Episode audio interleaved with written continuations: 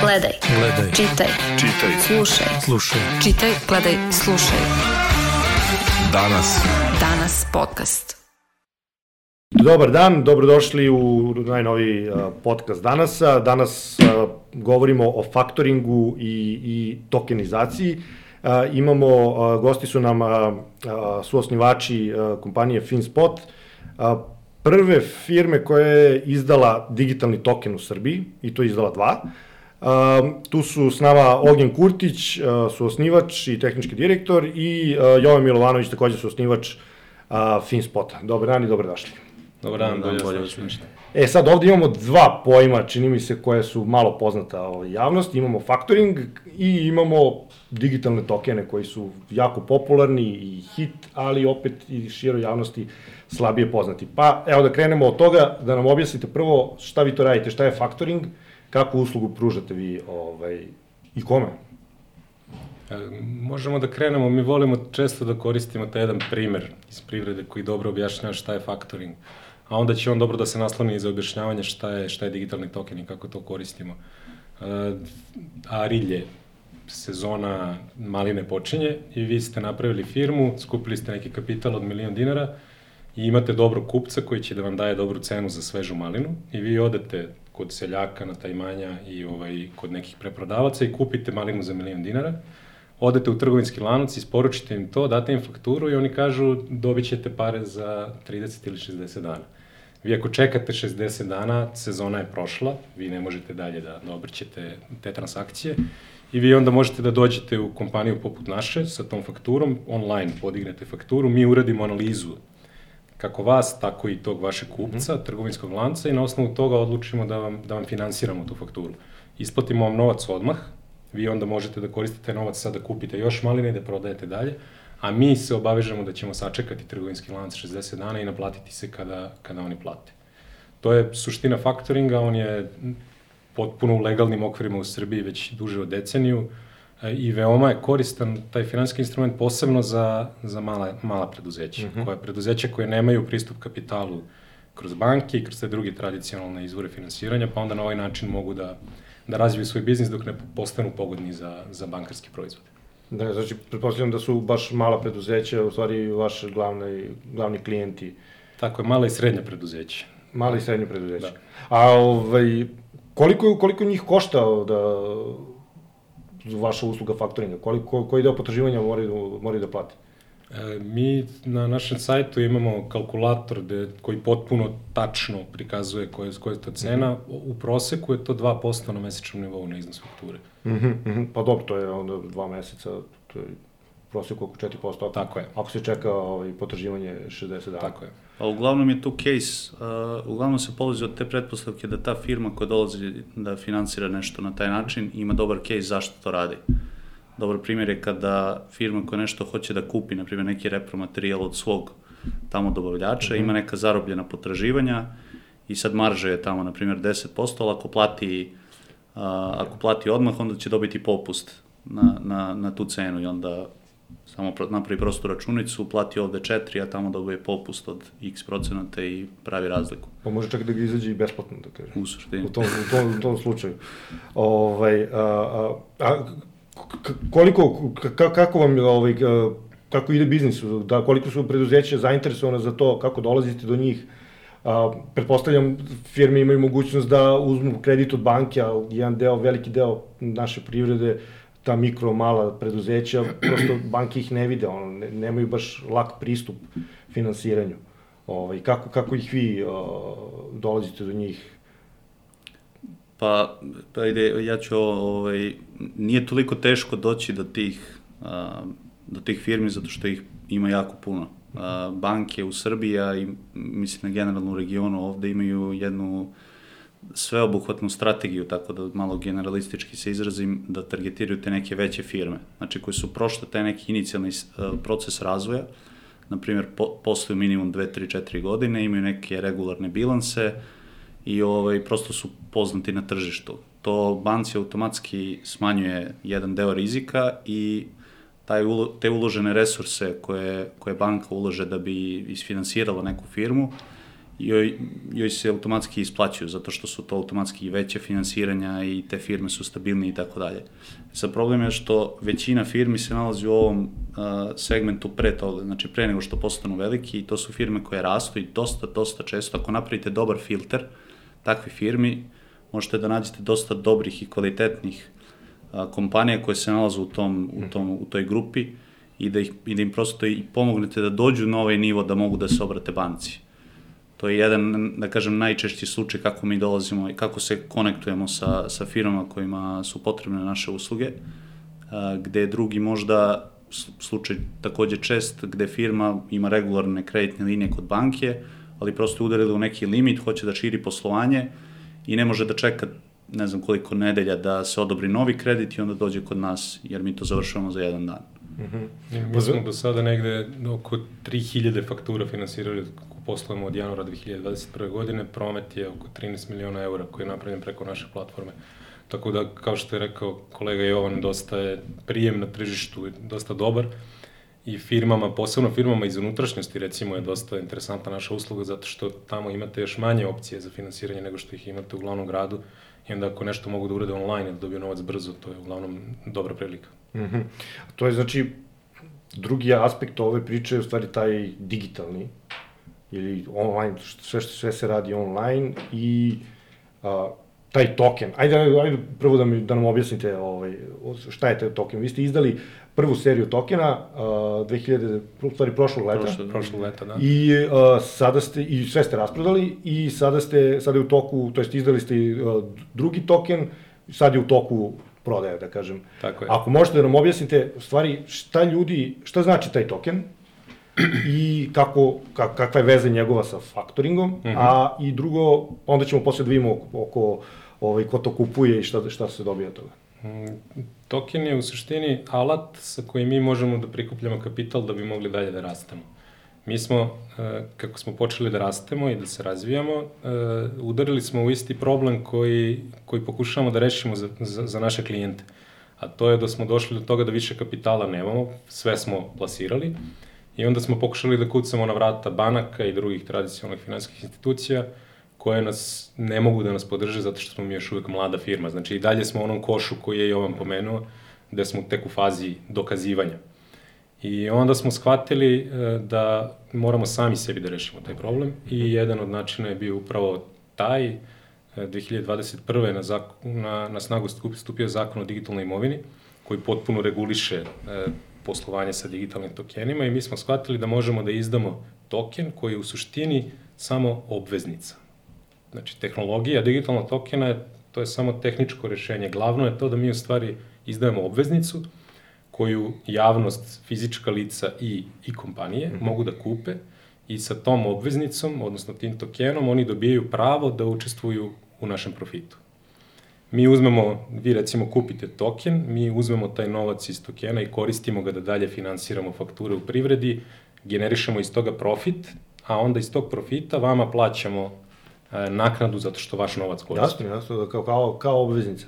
A, a ovaj, recite mi, ko su vam, ko su vam, da kažem, ciljne grupe kada prodajete tokene, a, rekli ste privreda, a, firme, a, a, fizička lica, a, da, finansijske institucije kao banke, one ne mogu da, da kupuju To je zanimljivo pitanje. A, Bilo bi dobro. Da ili, penzioni, da... ili recimo penzioni fondovi, osiguravajuće društva. Ne bi trebalo da postoji restrikcija na tom nivou. Sad ne, ne mogu tačno da tvrdim da li kako zakon to definiše. Mi smo tu malo specifični, specifični zato što smo mi u srpskom zakonu finansijskih institucija. Onda mm -hmm. imamo neke limitacije u tom domenu finansiranja između banaka i nas. Ali da sad to nije, to je da, vrlo specifičan slučaj. Dobro E, recite mi, zanimljivo, ali meni je zanimljiv slučaj za fizička lica, pošto, uh, recite mi koliki je prinos ovaj, na, uh, na token, na, na vaš token? Mi nudimo različite, to zovemo investicionim proizvodima na našoj platformi, u suštini se svode na to da li želite da oročite vaš novac mm -hmm. koji se nalazi za tokena na 6 meseci, 9 meseci, 12 meseci, da li želite da imate mogućnost da možda ranije izađete mm -hmm. iz mhm. investicije pre nego što istekne taj period, I u zavisnosti toga imamo e, rang od 6,75 na godišnjem nivou do 10% na godišnjem nivou bruto prinosa. To je kada porez je koliko na... Porez za fizička lica plaća se po odbitku i on iznosi 15% na profit i to mi plaćamo u vaše ime i vama dostavljamo dokaz da smo platili. Znači 8,5% godišnje, to je recimo duplo više u ovom trenutku nego u bankama što se dobije na štednju. Za dinare, ali tako? Tako je, Tokeni mogu je. se kupuju se za dinare. Tako je, da, i to je moguće zbog toga što je faktoring kao proizvod na našem tržištu e, takav da trenutno firme su spremne da plate da ga koriste i onda mi imamo tu biznis logiku da, da platimo toliko i, i našim investitorima. A recite mi samo, kako, kako čovjek može da kupi token? Otvorite nalog na platformi našoj finspot.com, prođete jedan kratak proces registracije, ostavite vašu mail adresu, kontakt podatke, onda nas, vas kontaktira neko iz naše kompanije da prođete proces e, registracije i, i provere AML-a, odnosno e, sprečavanja e, pranja novca, procedure, mm -hmm. i nakon toga uplatite dinare na naš račun, da li putem MBS IPS koda ili putem uplatnice najobičnije, e, dobijete token i onda kroz našu platformu vi izaberete gde ćete taj token da, da uložite. U koji od tih proizvoda? Tako, Tako je. je. Tako je. I onda na kraju, po, posle godinu dana, Profitom. Automatski stiže na, na račun koji ste prijavili kod nas. Da, mi imamo ovako siromašno finansijsko tržište, ovaj, malo, da kažem, malo načina da, da ljudi ulože neka manja sredstva. Ako ne možeš da dovoljno para da kupiš stan, Da. možeš samo da staviš pare u banku, otprilike to je to. Pa, O, jedan naš prijatelj i konsultant često kaže da smo mi da, ono, otvorili taj prolaz u, odnosno neka vrata ka kapitalnom tržištu u Srbiji, koje ne postoji u suštini. Jer ovo je prvi put da se na ovaj način prikupljaju sredstva za jednu privatnu firmu, kao što smo mi. Tako da već smo dosta dobili tog nekog pozitivnog feedbacka i od sličnih firmi koje žele da, raste, ne, da rastu na, na isti način i da prikupljaju ovako sredstva, tako da je generalno pozitivno okruženje. Mislim da nismo rekli koliko je bilo prva, prva, prvi token, koliko je bio iznosa i koliko je ovaj drugi. Prvi, prva ponuda je bila 300.000 eura, odnosno u protiv vrednosti je 300.000 eura, a druga je značajno veća, druga je milion i 200 i nešto hiljada, ne mogu sad tačno da, da kažem. Naša, ta prva ponuda je za nas, pošto je sve bilo potpuno novo i nama i regulatoru i svim ljudima koji su radili zajedno s nama da to, da to izvedemo, bili smo oprezni, išli smo baš sa limitiranim da vidimo uopšte kako će tržište ne reaguje. Pošto je tržište reagovalo veoma dobro i pošto smo uspeli brzo da prodamo sve, mi smo se sad i odlučili za ovu, za ovu veću ponudu. To pretpostavljam da će nastaviti da, ovaj, da na taj način da prikupljate novac. Ali rekli ste da je to sve novo bilo za sve i za Komisiju za hartije od vrednosti koja je u ovom slučaju vaš regulator, mm -hmm. tako? Ovaj, uh, vi treba, to je svako ko želi da izda neki finansijski instrument mora da napravi beli papir koji dolaz, za koji treba odobrenje komisije, ali tako. Šta, šta je u stvari, ako možete ukratko nam objasnite, recimo, taj put do, do, do dozvole da, da izdajete svoj token? Pa tu imaju dve glavne komponente, da jedna je u našem slučaju bila jedna ta tehnička komponenta da se napravi taj token i sve to da podržimo investiranje i druga je mnogo veća u ovom slučaju bila ta pravna podrška i usklađivanje sa regulatornim zahtevima. U suštini poenta priče je beli papir koji je manifest, odnosno prospekt a, tog tokena koji mi izbacujemo u javnost. I u njemu se jasno mora definisati šta predstavlja token, koliko donosi prinosa, kako funkcioniše, šta je, uh, odakle dolazi prinos koji, koji investitori ostvaraju, što je jako bitno u današnjem tom svetu ovaj, digitalnog investiranja, da tako kažem. Ovaj, I u suštini investitor kada se upozna i kada pročita taj beli papir, mm -hmm. njemu poenta je takva da njemu treba da bude jasno sve kakve rizike nosi, šta on treba da očekuje toga i na koji način funkcioniše i da mu to sve bude kristalno jasno u glavi da on može da, da, da napravi odluku ja želim da investiram ili ne želim da investiram. To je suština a, a, belog papira. I sve oko toga je, da kažem, ta regulatorna podrška koju smo mi morali, odnosno taj proces koji smo mi morali da prođemo, da dođemo i da kreiramo taj dokumente, da neko to tamo pogleda i da nam odobri da kaže ovo ima dovoljno korisnih informacija, dobro je pripremljeno, investitori mogu jasno da zaključi iz ovoga o čemu se radi. Mm. A kakva je bila saradnja sa komisijom, pošto i njima to novina?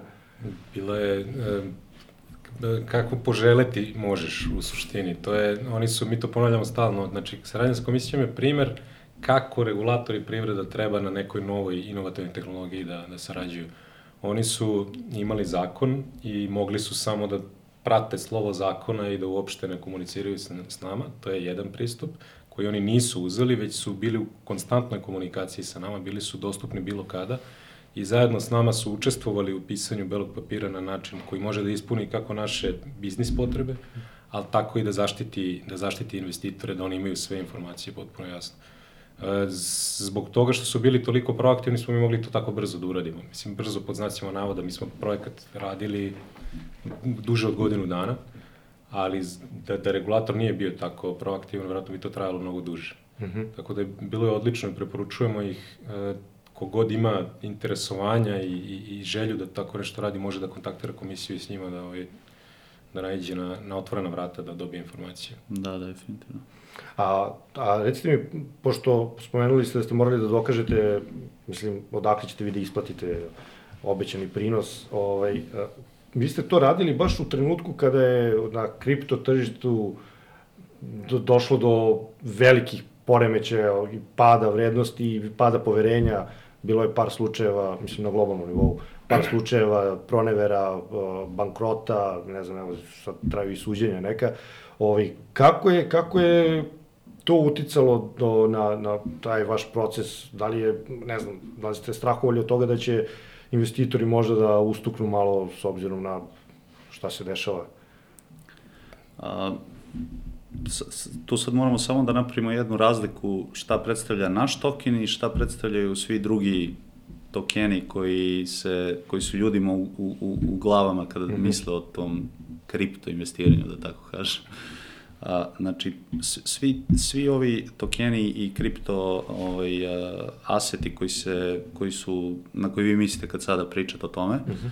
Oni imaju u tom DeFi svetu, odnosno svetu decentralizovanih financija, one funkcionišu na način da onako narodski rečeno, kad sve ide dobro, svi zarađuju, kad krene loše, svi gube.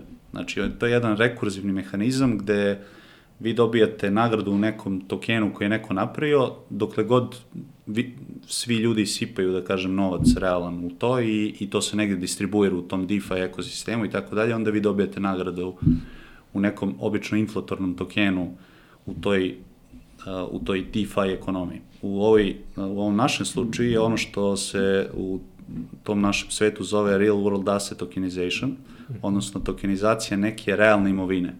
Znači, mi re, imamo realan biznis i realnu fakturu koju smo isfinansirali, na osnovu koje očekujemo mi prinos, i to možemo dalje da distribuiramo uh, token holderima, odnosno investitorima. I to je ključna razlika između nas i svih ovih drugih tokena koji su u tom trenutku kada smo mi izbacivali naš prvi, bili u nekoj negativnoj konotaciji. Ovaj... Koliko je vama bilo teško da objasnite ljudima ovu razliku? E, to je ključ. to je konstant. Mislim, mi sigurno e, sad u ovoj ponudi mi osjećamo posledice toga što se desilo, jer mnogo je sad veće nepoverenje nego što je bilo. Nepoverenje je postojalo gotovo od uvek, što je jasno zato što je nova stvar, ljudi nisu upućeni i ne znaju kako to radi. Ovaj, I sad je, to, sad je to značajno povećano, tako da se mi trudimo kada god nastupamo, pričamo, prodajemo, prezentujemo, da napravimo upravo ovu razliku. Digitalni token naš je samo finansijski instrument. On samo ono što daje investitor, on mu daje određena prava uh, i na tome se tu se završava. A vrednost dolazi iz stvarne ekonomije, iz našeg stvarnog biznisa. I zato investitori pozivamo, ako pročitaju beli papir i neodlučni su, da mogu da dođu kod nas u kancelarije, mogu da vide kako radimo, mogu da upoznaju ljude koji to rade i da malo bolje steknu utisak o tome uh, zašto mi u stvari mislimo da smo, da smo sposobni da isplaćujemo takav profit. Ja, yes. Aha, Izvinjam se, znači sve, sve se svede na to odakle dolazi prinos koji meni neko obećava i nudi na sajtu, u belom papiru, dakle god. To je, to je bottom Da, ako sam do, ja dobro razumeo, da, da rezimiram, a, ta, te decentralizovane financije, to je neka vrsta piramidalne šeme gde dok se ulaže nije sve, novac, ali nije sve, ima ali toga, da. ima toga. Ima dosta toga. Da. I onda ljudi ne mogu ni da vide ono, kako se kaže, pozitivno da, da. Pa da, pa da. Trenutno smo baš u, u delu, u periodu kada svi misle da je sve samo ponzi. Aha, da. Piramidalna šema. A kako vi vidite, o, ja, još jedna stvar, pošto ja sam lajk za tehnologiju, da budem iskren, ja kako je blockchain tehnologija, koja je njena, da kažem, doprinos vašem proizvodu? U, konkretno u našem proizvodu e, najveći doprinos je to što on olakšava, tehnologija po svojim karakteristikama, olakšava e, birokratske i pravne procese koji su ranije postojali u izdavanju e, obveznica. Jer vi sada možete da, zato što je svaka transakcija potpuno transparentna i svako može da je pristupi, To znači da vi kao investitor možete da vidite šta se dešava sa tokenima, regulator kao neko ko treba da prati to izdavanje može da vidi šta se dešava sa tokenima i ono što je važno u tom pametnom ugovoru tokena, u mhm. kodu je napisano tačno ono šta taj token može da radi.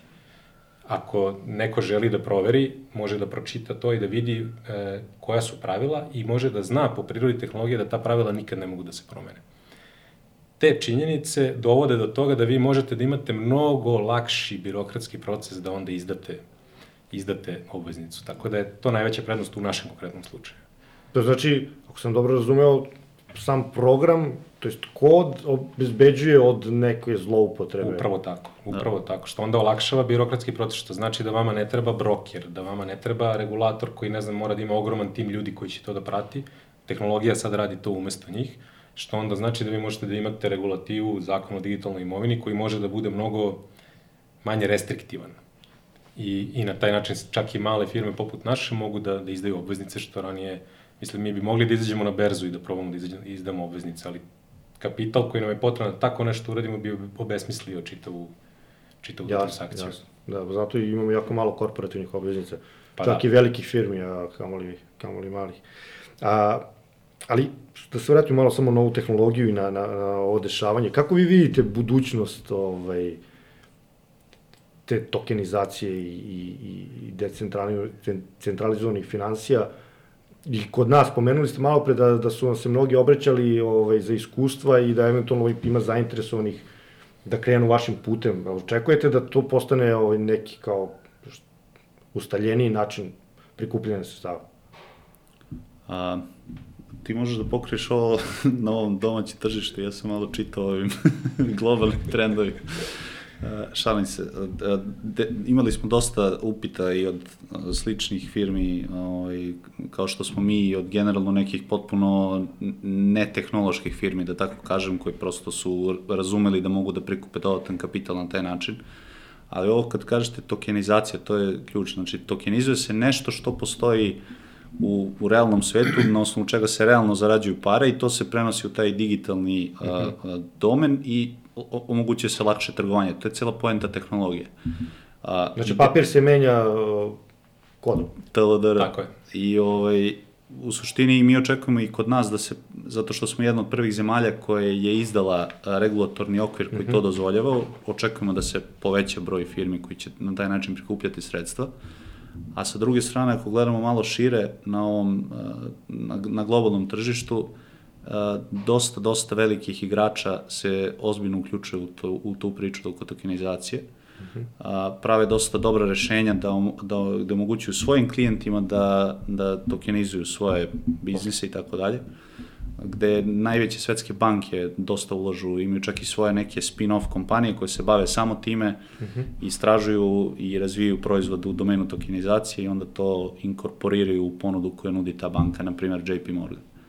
Tako da, ako tako neki veliki igrači ulažu zna, uh, značajna sredstva u, u taj domen, možemo sigurno da očekujemo da se tu Da zaživi. Da zaživi što se... Ja bih se samo nastavio na ovo što ste malo pre rekli, e, kod zamenjuje papir, tu ste, na tragu ste, kod zamenjuje zakon.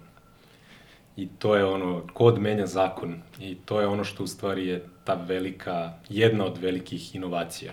Jer ako vi vidite i možda, sigurni ste da će taj pametni ugovor zaovek raditi upravo tako kako piše, da ne postoji fizička mogućnost da to neko promeni, to znači da vama odjednom ne treba veliki deo papira i svih procedura vezanih za to da imate regulativu koja će to da prati. Što, što onda smanjuje cenu transfera, e, rada sa kapitalom, razmene i tako pa, dalje. Pretpostavljam da smanjuje i rizik. A smanjuje i rizik, naravno, da. Smanjuje, zato što neke stvari jednostavno su, ne možete ih više ni izvršiti čak. Nije kao da možete da uradite nešto krivotvorenje, pa da onda čekate da vas regulator uhvati, nego čak ne možete ni da ih izvršite fizički.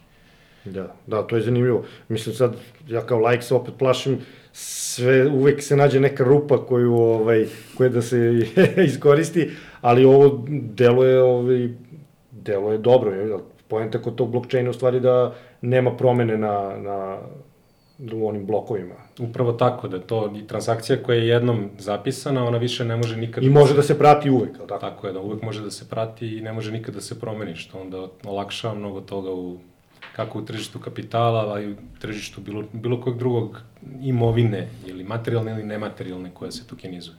A planirate vi kao kompanija da, da proširite recimo uh, tu primjenu tokenizacije tokena na, na neke druge delove, mislim sad pričamo ovde, pada na pamet svašta kada, ovaj, kad već kažete tu, tu razni ugovori mogu da se ovaj, na, zaključe na blockchainu i do prosto bude garancija vlasništva ili bilo čega. Pa postoje veliki, postoje sad razne inicijative i razne ideje. A, dobar primer vam je recimo a, katastar. Katastar je savršena use case nečega što treba da bude na blockchainu. Decentralizovano, gde nekoliko tih institucija razmenjuje informacije koje su od javnog značaja, a koji samim tim što je na blockchainu dobija otpornost na napad kako ste imali na naš katastar skoro. Prošlo je. Ali da bi se tako nešto otvaralo, ostvarilo potrebno da proteče mnogo vode, a situacija trenutno u kripto svetu ne pomaže tome da ljudi prihvataju tu tehnologiju. Svi su sad veoma oprezni i čekaju da, da vide kako će da prođe ova faza razvoja. Mm -hmm. Ali završit ću s ovim, je, moje lično mišljenje je da je ljudi nisu svesni potencijala koji, koji je blockchain doneo. Znači, ja ovde uopšte ne pričam o kriptovalutama i toj razmeni vrednosti. Jasno, jasno. Da. Celo, ovo, celo ovo drugo polje i ono će u narednih 10 i 20 godina da napravi tektonske promene na, u načinu na koji mi razmenjujemo razno raznu vrednost, a ne samo, ne samo monetarnu. No, pa dobro je biti onda na, na vrhu tog talasa, nego, ovaj, nego biti na kraju. Ali sad bi se ja vratio malo na ekonomiju. Zanima me, pošto sad imamo ovaj talas, da kažem, rasta kamatnih stopa, Kako vi gledate da će to da može da utiče na, na posao faktoringa? Da li može da bude ograničavajući ili možda čak stimulišući faktor za, za, za faktoring? Pa, mi nismo ono što se kaže ekonomisti po ono, nemamo defaultno ekonomsko obrazovanje, ali ovaj, ja, ja smatram da će to samo da se prelije u, u tom lancu distribucije vrednosti, znači poskupit će cena sredstava, onda će poskupiti proizvod koje te firme prodaju, onda će poskupiti uslug ovih tamo koji to kupuju i tako dalje. Tako da mislim da samo treba da prođe taj neki vremenski buffer da se taj da se ta lančana reakcija Desi. odigra do kraja. A što se tiče uh, samog faktoringa, mislim da može da dovede sad ove, ove naš da kažem prvi susret sa nekom krizom, odnosno povećanjem opštih kamatnih stopa, tako da na osnovu nekog ranijeg iskustva kako se kada su ranije rasle kamatne stope u, pre, u prethodnoj krizi, to je dovelo do povećanja recimo potražnje za faktoringom. Ne znači da će to biti sada, ali eto, da, da napravimo tako neki polulajički zaključak da bi moglo da, da dovede do toga. Faktoring to jeste specifičan proizvod, on je u vremenima kriza i, i vremenima kada su recimo kada banke povlače ručnu, mm -hmm. što je bio slučaj sad sa poslednjom geopolitičkom krizom, uh, faktoring dobije porast, porast transakcija i porast uh, pro, prometa, uh, baš zbog toga što se firme onda okreću ka ka faktoringu jer nemaju više tradicionalne izvore toliko dostupne. Ne, nema podrške banaka, one banke postaju osetljivije na rizik. Pa, pa da, pa da. Tako da, ovaj, i onda su firme spremne da plate malo više da bi i dalje imale iz, pristup izvorima finansiranja. Ja, recite mi, o, e, spomenuli ste veliki broj faktura koji ste ovaj, radili. Da li su firme koje, sa kojima ste radili, da li se vraćaju, da kažem, po uslugu ili, ovaj, ili imate, ili ono, probaju da vide kako može, kako ide, pa da se vrate ili ne vrate. Kakva je situacija ovaj, sa tim? 88 ja mislim da je brojka od firmi koje su, ili 85, ajde da kažem, a, koje su došle da se vraćaju po, po uslugu. Tako da, da su nakon jedne transakcije uradile opet. Dosta je, dosta je visok taj stepen zadržavanja, da kažem, klijenta.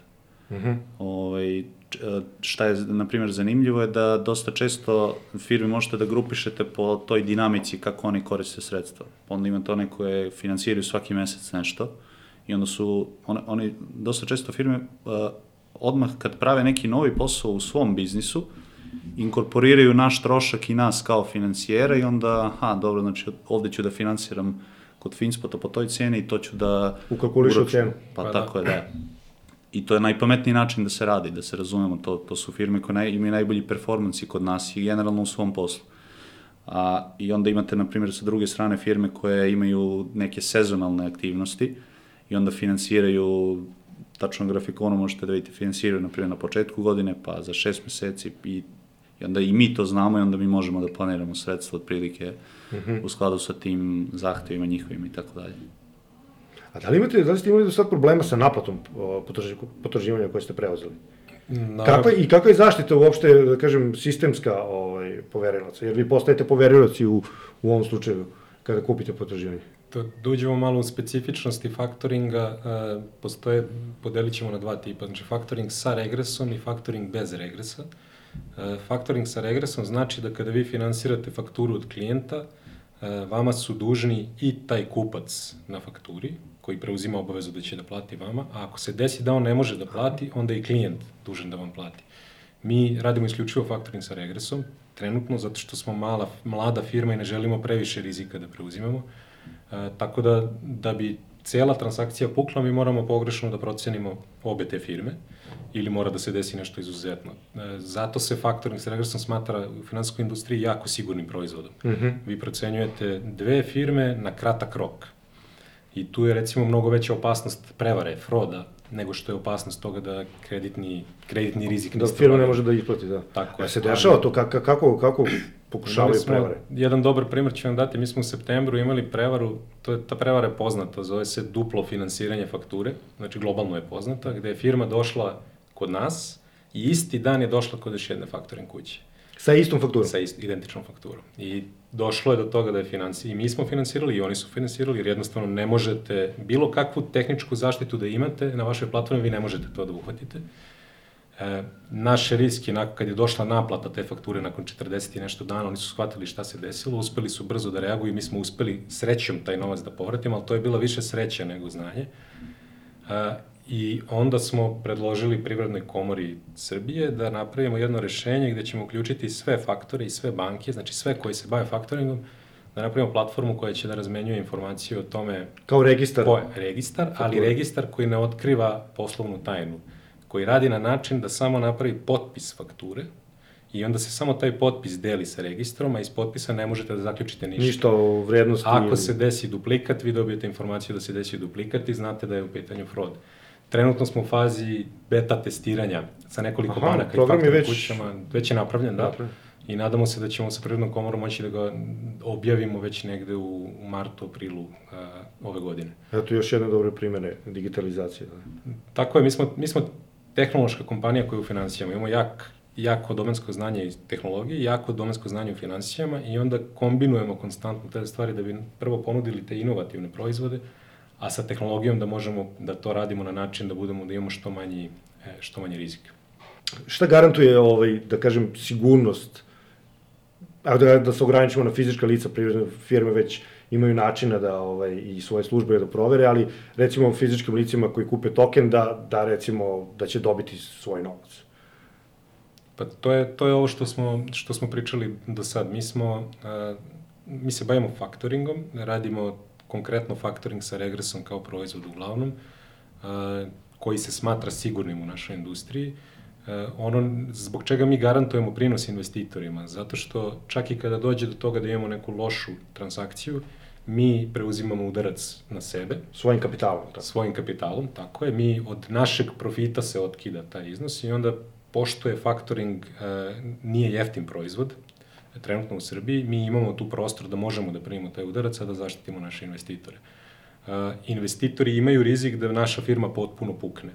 I svi, taj rizik, kao i svi ostali rizici, su navedeni u belom papiru, ali je taj rizik po našem mišljenju veoma mali. To bi značilo da mi moramo da pogrešimo sa velikim brojem faktura u kratkom periodu, što može da se desi po našem tumačenju jedino ako dođe do nekog ozbiljnog tektonskog poremeća u ekonomiji, kada Ali onda će mnoge investicije da propadne. upravo tako. Širi problem. Da, da, dakle, na vašem sajtu o, postoji dokument, beli papir, u kome ljudi mogu da pročitaju i da vide u stvari sve o firmi, čime se bavi, čime garantuje za, za novac, Tako je. gde će plasirati, kako će plasirati i kako će da, da, da isplati taj... Tako je. Tako je, finspo.com, sve informacije i za factoring i za ovaj investicioni deo, trebalo bi da bude sve onako jasno, a u svakom slučaju ono, dostupni smo za kontakt preko svih ovih medija, medijuma. Da, I pozivamo investitora ako žele da, da dođu kod nas u kancelariju u Makedonskoj da, da se uvere da kako, kako mi radimo kao firma. Super, ništa, hvala vam puno na, na gostovanju i na poznavanju javnosti sa ovim novim proizvodima, da kažem, u stvari starim proizvodima, ali na novi način. Tako je. Hvala Hvala na pozivu. Gledaj, Gledaj, čitaj, čitaj, slušaj. slušaj. Čitaj, gledaj, slušaj. Danas. Danas podcast.